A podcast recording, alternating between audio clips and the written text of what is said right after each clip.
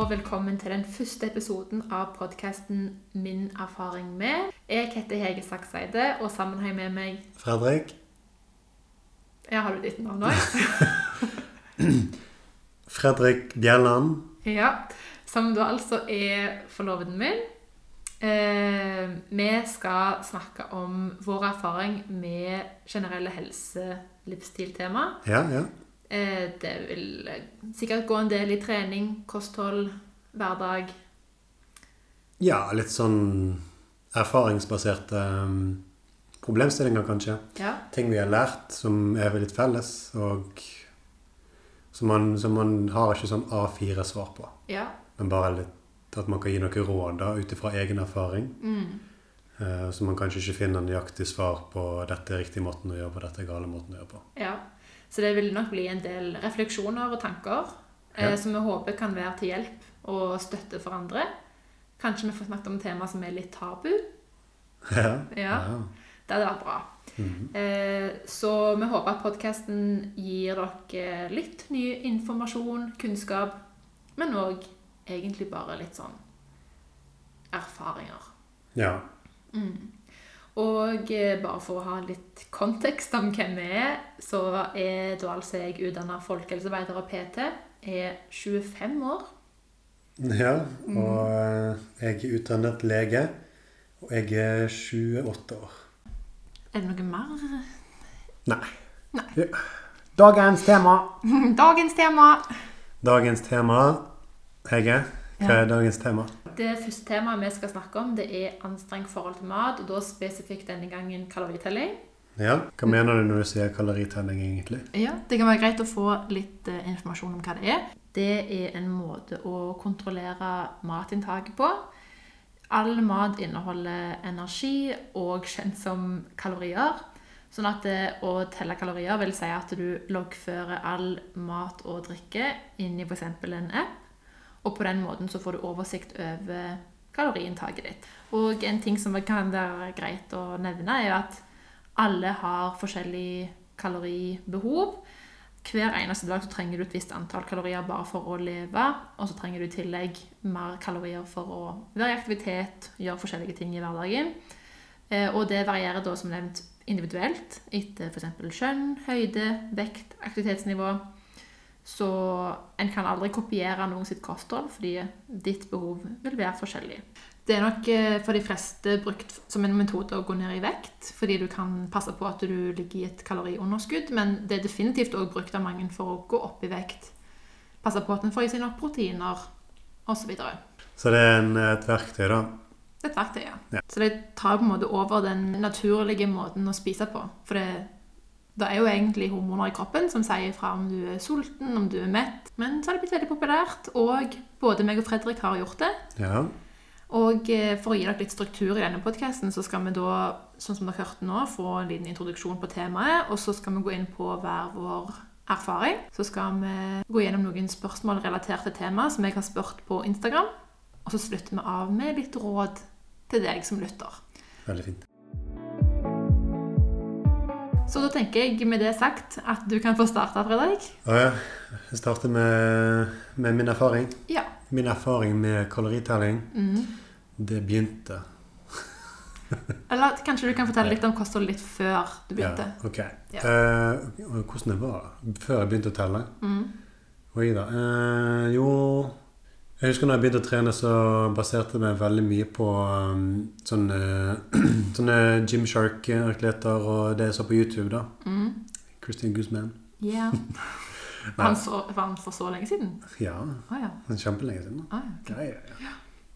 Eh, og da gikk det mye i uh, kjedelig mat med kylling, brokkoli og ris. Mm.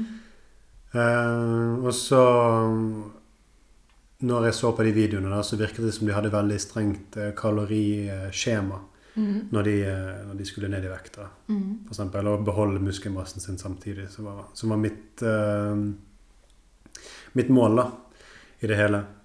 Så da begynte jeg òg å undersøke litt i det. Mm. Hva er det de holder på med når de snakker om at dette måltidet her har så, så, så og så mange kalorier, Mm. og så og så høyt eh, innhold er proteiner og bla, bla.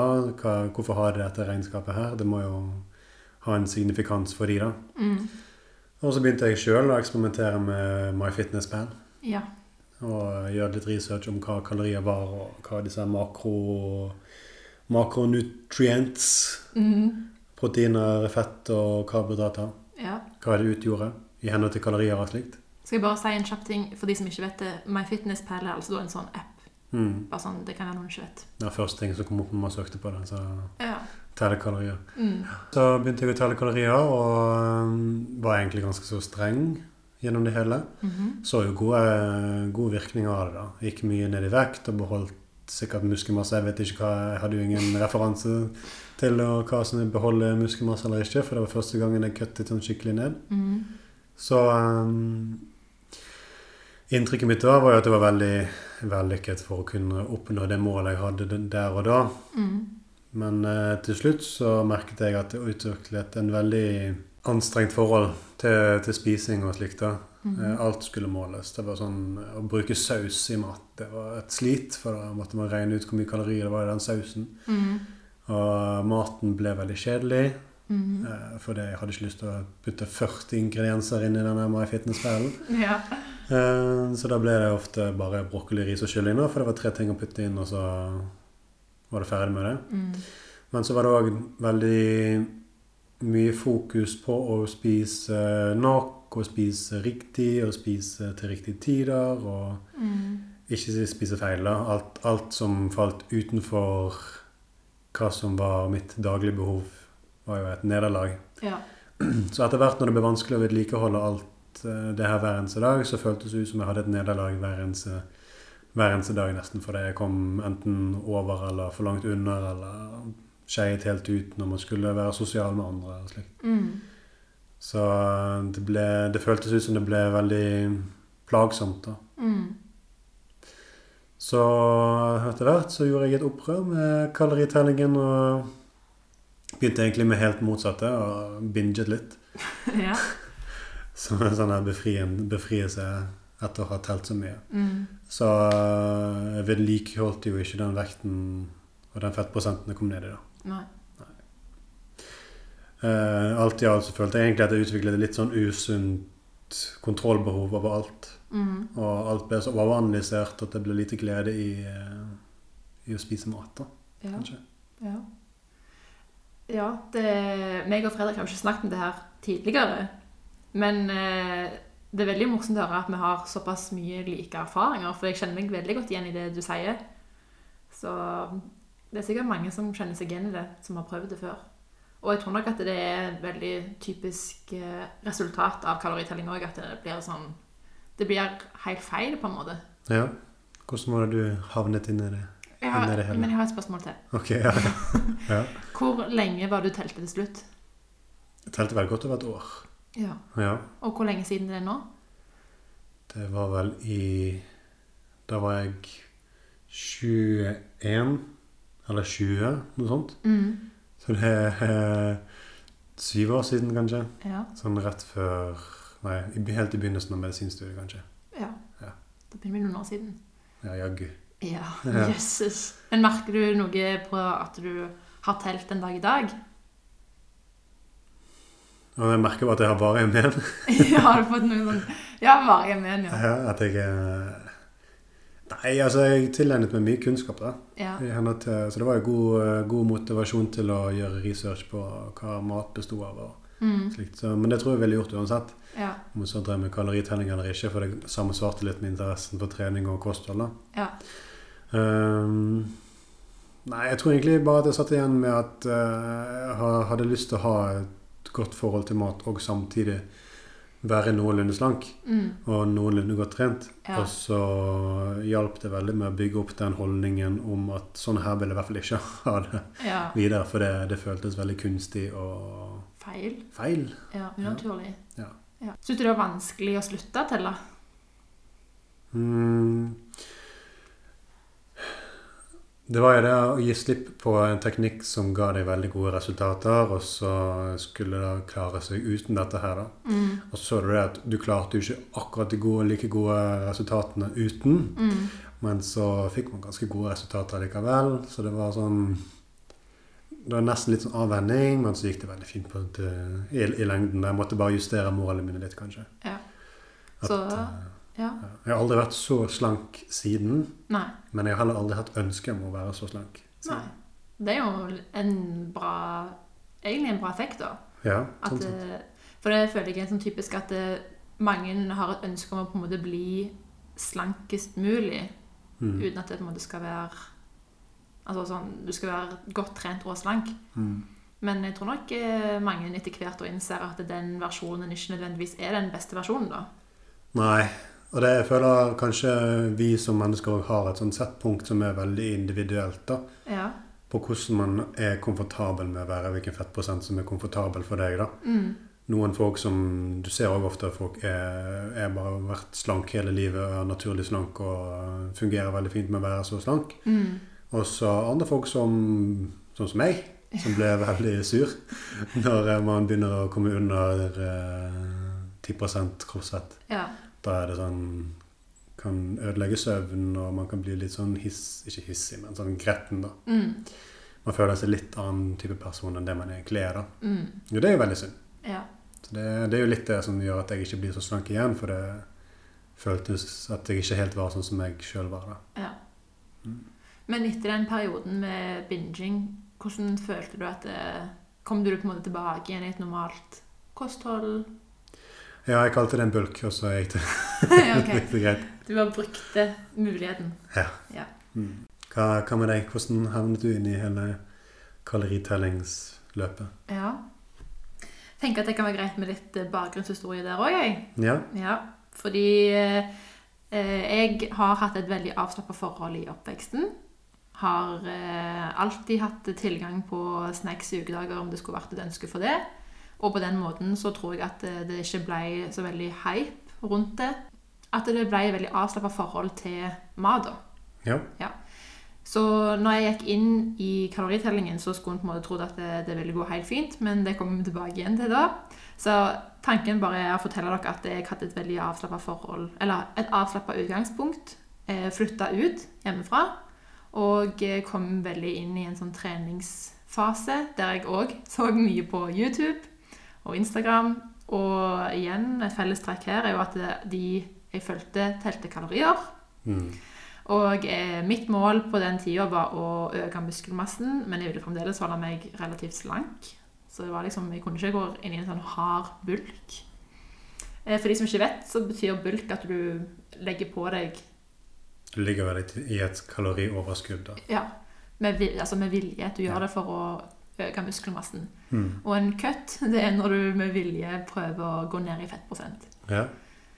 Men ja, så jeg begynte å telle kalorier, og i starten så syntes jeg det var veldig positivt, fordi at jeg, jeg la merke til mange områder jeg kunne forbedre kostholdet mitt, lærte veldig mye om matvarer, fikk mye mer forståelse for proteiner osv. Så, videre. så jeg vil si at det, det var en positiv erfaring i starten. Men etter hvert som jeg hadde klart å øke muskelmassen, og jeg egentlig hadde veldig solid kontroll på matvarer, så fortsatte jeg å telle fordi jeg hadde jeg ville sagt blitt avhengig, eller jeg følte at jeg trengte den kontrollen da. Og liksom som du sa, så var jeg redd for å gi slipp. Mm. Så jeg telte kalorier i ca. et år. Veldig strengt på grammet. Hvis jeg skulle være sosial, så ville jeg òg helst kunne telle. Det er jo ekstremt slitsomt. ja. Ehm, Kanskje drikke øl. nei. Øl har mer kalorier enn uh, ren sprit. Ja. Mm. Uh, altså, helt sånn tullete. Og jeg husker jeg kunne se på en kjeks og tenke sånn Ja, den har ca. 70 kalorier. Ikke at det er en kjeks. Ja, Så liksom alle sånne små valg ble ekstremt anstrengt. Du ble en robot. Jeg ble en robot, ja. Og det, det, det er sykt. Sånn, all mat ble bare tall, og jeg tenkte på mat hele dagen. Mm. Altså Hvert sekund jeg husker jeg tenkte på det sånn tenk, altså, Hvordan skal jeg ikke tenke på mat? Neste måltid, hva skal jeg spise? Um, og det resulterte på slutten i ganske mye binging. Det vil altså sånn si at du bare spiser alt du kommer over. Du mister litt kontroll og Mm. bare overspiser fordi Ja. Jeg tror det er nok veldig mye mentalt. Men det er òg kroppen også som føler at du har en veldig sånn begrensa tilgang til mat. Ja, Og så når du først gir slipp, så bare prøver han å samle sammen så mye som han kan. Jeg vet ikke. Kanskje. Et sånn overlevelsesinstinkt, kanskje. Kanskje det. Ja. Men eh, ja. Eh, så jeg vil si at målet gikk fra å bygge muskelmasse til å på en måte komme meg litt ned i fettprosent. Det gikk på en måte den veien, og det er nok kanskje der òg det blir mer anstrengt, for da er det virkelig kontroll. Passe på at du ikke overstiger kaloriinntaket du skal ha. Ehm, og så husker jeg at jeg hadde en samtale med en av mine nærmeste venninner, Maren, der hun snakket om det med å slutte med kaloritelling. Og da husker jeg at jeg oppriktig tenkte at jeg vet ikke hva jeg skal spise jeg, hvis jeg slutter. Hvordan skal jeg vite hvor mye jeg skal spise? Eh, at jeg, jeg trodde virkelig at det var kaloritellingen som fortalte meg hva jeg kunne spise, og hvor mye. Men så tenkte jeg at eh, jeg ikke ville ha det sånn lenger. At jeg eh, var klar for å gi det et forsøk å slutte. Så jeg gjorde det litt gradvis sammenlignet med deg. At jeg beholdt appen. Mm. Telte litt sånn innimellom. passet på at måltidene var litt sånn innenfor. Repeterte basically bare det jeg hadde spist med kaloritelling. For da visste jeg jo at jeg lå innenfor. Men så gradvis begynte jeg å prøve meg på nye oppskrifter. Ikke telle. Og sakte, men sikkert så slutta jeg. Og jeg kan informere om at jeg definitivt visste hva jeg skulle spise uten kaloritelling. Altså, det var ikke noe problem å slutte. Hadde nok en periode jeg òg der jeg eh, benytta meg av muligheten til å slutte. Altså sånn at jeg spiste ekstra mye fordi jeg hadde muligheten, for jeg telte jo ikke. Mm. Men det balanserte seg ut etter hvert. Så jeg vil si at innen et halvt år så var jeg tilbake igjen, egentlig. I hvert fall etter et år. Ja. Ja. Eh, Hvordan så måltidene dine ut da, når du, eh, når du spiste med, med kaloritelling? Var det begrenset, sånn som meg, eller var det, var det flink på å inkludere alt? Eh, det var begrensa, men det hadde en endring. For det, som jeg nevnte i starten, så var på en måte målet å gå opp i vekt. Og da husker jeg at jeg måtte spise mer enn jeg var vant med. Ja. Eh, mens mot slutten, når jeg begynte med at jeg liksom ville ned i fettprosent, da begynte det å bli veldig sånn spesielt, der det var minst mulig fett. Basically så lite fett som mulig. Og sånn, sånn, ting som smør og melk og peanøttsmør og avokado og olje. Det var bare sånn Fy-fy. fy-fy. Og til liksom minst mulig. Ja. Så ja, det var jo ikke Det ble litt ensidig mye karbohydrater og proteiner, kanskje, og så Ja. veldig lite fett, som er sånn en eh, standard diettmetode som man har hatt kjempe, kjempe, kjempelenge. mm, At fett har blitt den store, stygge ulven til uh, hvorfor vi har fedme i, i verden, da. mm. Men uh, det er jo ikke sikkert det er helt er sånn. Nei, det kan vi snakke om i en annen episode. Mm. Men det jeg kan si, i hvert fall er at uh, hvis du i dag begrenser fett, så prøv å få det inn igjen i, i kostholdet ditt, fordi fett er essensielt for å bygge celler. Kjempeviktig for hormonbalanse. Ja. Eh, og for at du skal være tilfreds med kostholdet ditt. Eh, jeg spiser i dag mye mer fett enn det jeg gjorde før, og jeg holder den samme vekten fremdeles. Så ja, ikke kutt ut fett bare fordi at det har vært en trendy ting, eller at det er mye kalorier. Jeg tror det. Kaloritelling ga meg veldig anstrengt forhold til, til fett òg, kanskje. Mm. Og så var det litt sånn dette her med at uh, i dag så har du eh, 3500 kalorier å gå på. Mm. Og det er det i dag. Og det er Mm. sånn i morgen, og det er sånn i overmorgen, og det er sånn neste uke. Og Mm. kanskje etter en måned så har du gått ned litt i vekt, og da er det 3300 kalorier eller noe sånt. Mm. Og det er sånn veldig mekanisk måte å tenke på. Det kan være at en dag så bruker du mindre kalorier enn det som er beregnet, og en dag så bruker du masse mer kalorier. Og kroppen din har jo veldig mye lagret i form av kalorier generelt. Mm. Så, så vi er jo egentlig Jeg tror kroppen har en veldig, veldig god ordning på dette her kaloriregnskapet. Mhm. I mye større grad enn det en app kan ha. Ja. For det blir veldig kunstig, følte jeg. Og det tror jeg kanskje begge to kjente på, at det ble veldig kunstig at i dag skal jeg ha disse 3500 kaloriene, selv om det nå føles ut som jeg stapper i meg mat. Mm. Og kanskje neste dagen så føltes det ut som at det var for lite mat med Ja. de samme mengden kaloriene. Ja, det er et så godt poeng, faktisk. Mm. At det, den appen tar jo ikke Altså sånn, den regner jo ikke med at du har forskjellige behov Nei. for forskjellige dager. Mm. Og i det vanlige livet, sånn når jeg ikke teller kalorier, så merker jeg jo at det, noen dager spiser jeg mer, noen dager har jeg mindre. Og det gjør jo at det balanserer seg ut. Ja, det er akkurat det. Mm. Jeg tror kroppen har god peiling på akkurat det og skille ut de hormonene som skal til Mm. for å si at um, i dag trenger jeg litt mer energi Ja. og spise litt mer. Mm. Ja. Det tror jeg i hvert fall. Absolutt.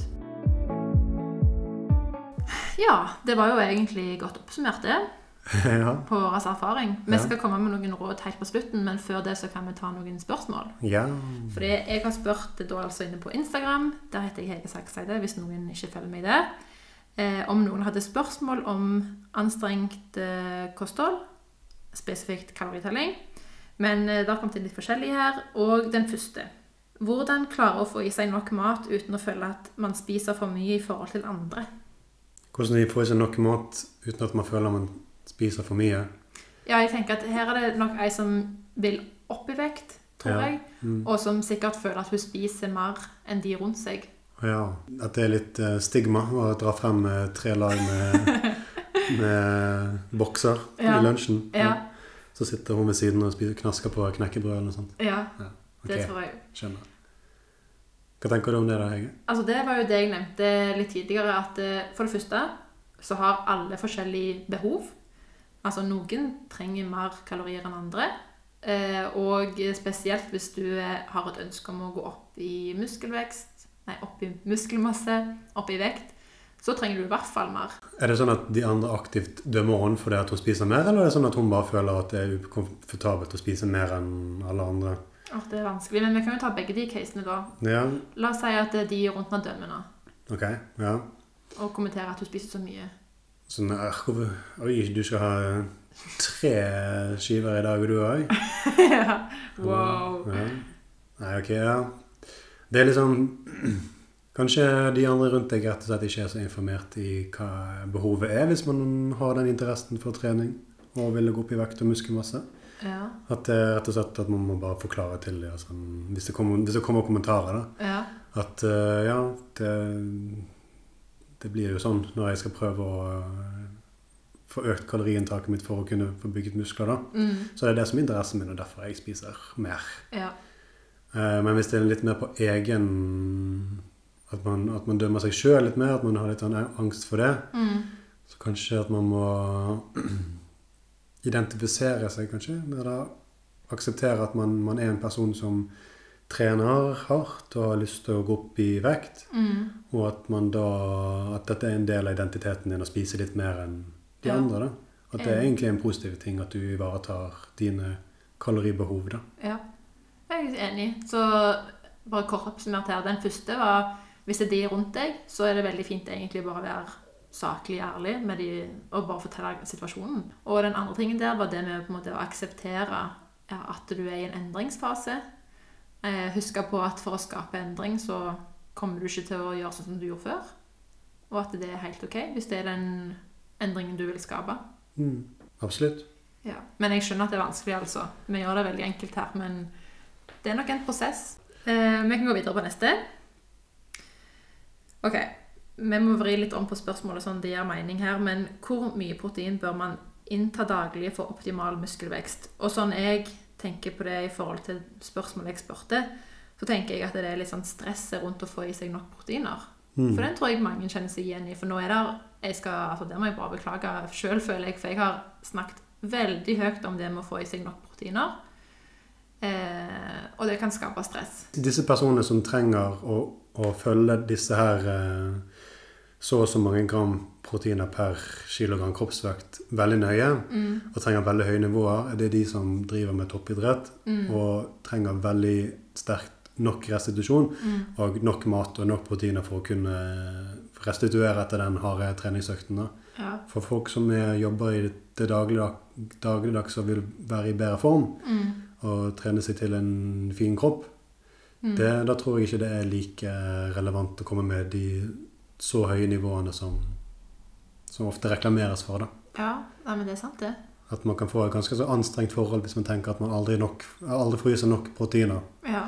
At man kan bli veldig ensidig i matvare Eller i matveien. Ja. Sant? Det blir mye kyllingbryst og proteinshake som mellommåltid og sånt, for det, du kan ikke spise en, bare en banan eller nøtter. sånt. Ja. Åh, ja, jeg kjenner meg så godt igjen i det her spørsmålet fra når jeg telte kalorier.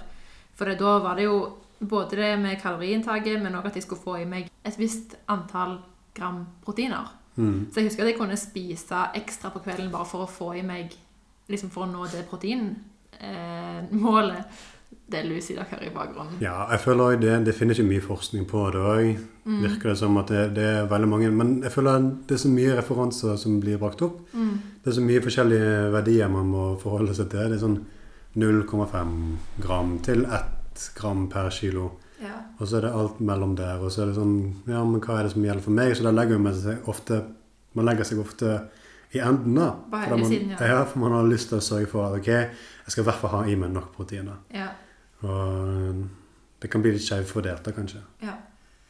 Og ofte når det proteiner inneholder, inneholder jo litt kalorier, det òg, Mm. så tar det ofte plassen til fett i måltidene. Så blir det veldig mye proteiner og ja. veldig lite fett igjen. Så det blir sånn Ja, Ja. jeg skjønner veldig godt at eh, det blir anstrengt, fall. Ja.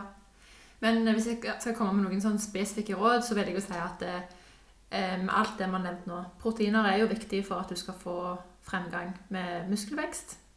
Men kanskje ikke heng deg opp i akkurat sånn mengden. Tenk heller at du prøver å få i deg en god proteinkilde til de fleste måltidene. Hvis du merker at du, eller hvis du vet med deg selv at du spiser lite, så eventuelt prøve å spise litt større porsjoner av de proteinkildene. Altså da hvis du spiser alltid 100 gram kylling, så kanskje 150 gram kylling da. Altså sånn små justeringer du kan gjøre. Ok, Så hva blir anbefalingen her, da? Hvordan få i seg nok? Er det det hun spør om? Nei, hvor mye protein bør du innta daglig? Ja. Men da kan, altså sånn, det er jo noen eh, råd fra Olympiatoppen ja. som er ment til folk flest. Eh, Ja. Da er det jo at de som trener styrketrening, de trenger mer proteiner enn de som ikke trener styrketrening. Og jeg tror anbefalingen deres ligger mellom 1,2 til 1,8 gram per kilo kroppsvekt.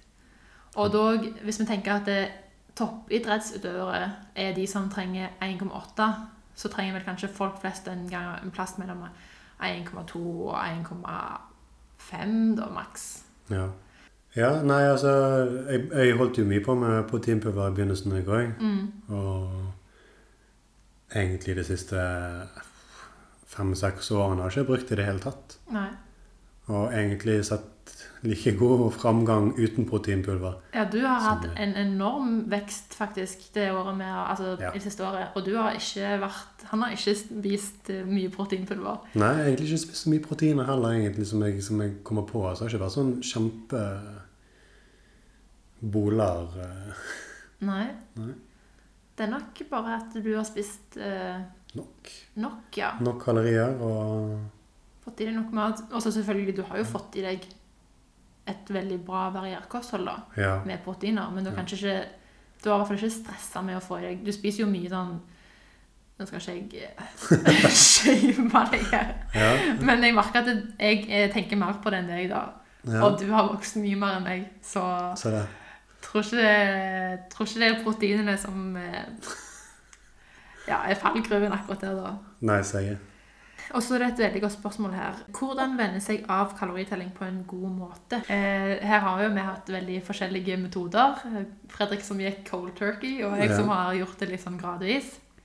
Mhm. Begge to kommer seg ut av det, da. Ja. Men kanskje din er litt mer relevant for eh, folk som har lyst til å gradvis venne seg av det, da. Ja. Hvis du, hvis du kjenner at du syns det er skummelt å slutte, eh, så er det helt i orden å prøve å gjøre det litt gradvis. Eh, At du f.eks. gjør sånn som meg, at du prøver å gjenskape de måltidene du har spist mange ganger før. Og så gradvis prøver du å lage mat som du ikke har kontroll på. Mm. Eh, Ta det litt stegvis hvis det hjelper deg. Det holder for spørsmål i dag, jeg. Vi skal gi noen tanker og råd helt på slutten. Ja. Basert på den erfaringen du har hatt, Fredrik. Mhm. Hva vil du anbefale noen som enten vurderer kaloritelling, eller som teller kalorier akkurat nå og syns at det er vanskelig? Ja, altså kaloritelling kan jo fungere eh, godt. Mm. Og det er sikkert noen som vil ha veldig god virkning av det. Og at det kan være nyttig i en begrenset tidsperiode. da. Mm. Men jeg tror det er veldig viktig å innse det at eh, det er ikke det eneste alternativet for å verken gå ned i vekt eller gå opp i vekt og øke muskelmasse. Det finnes veldig mange andre måter å gjøre det på.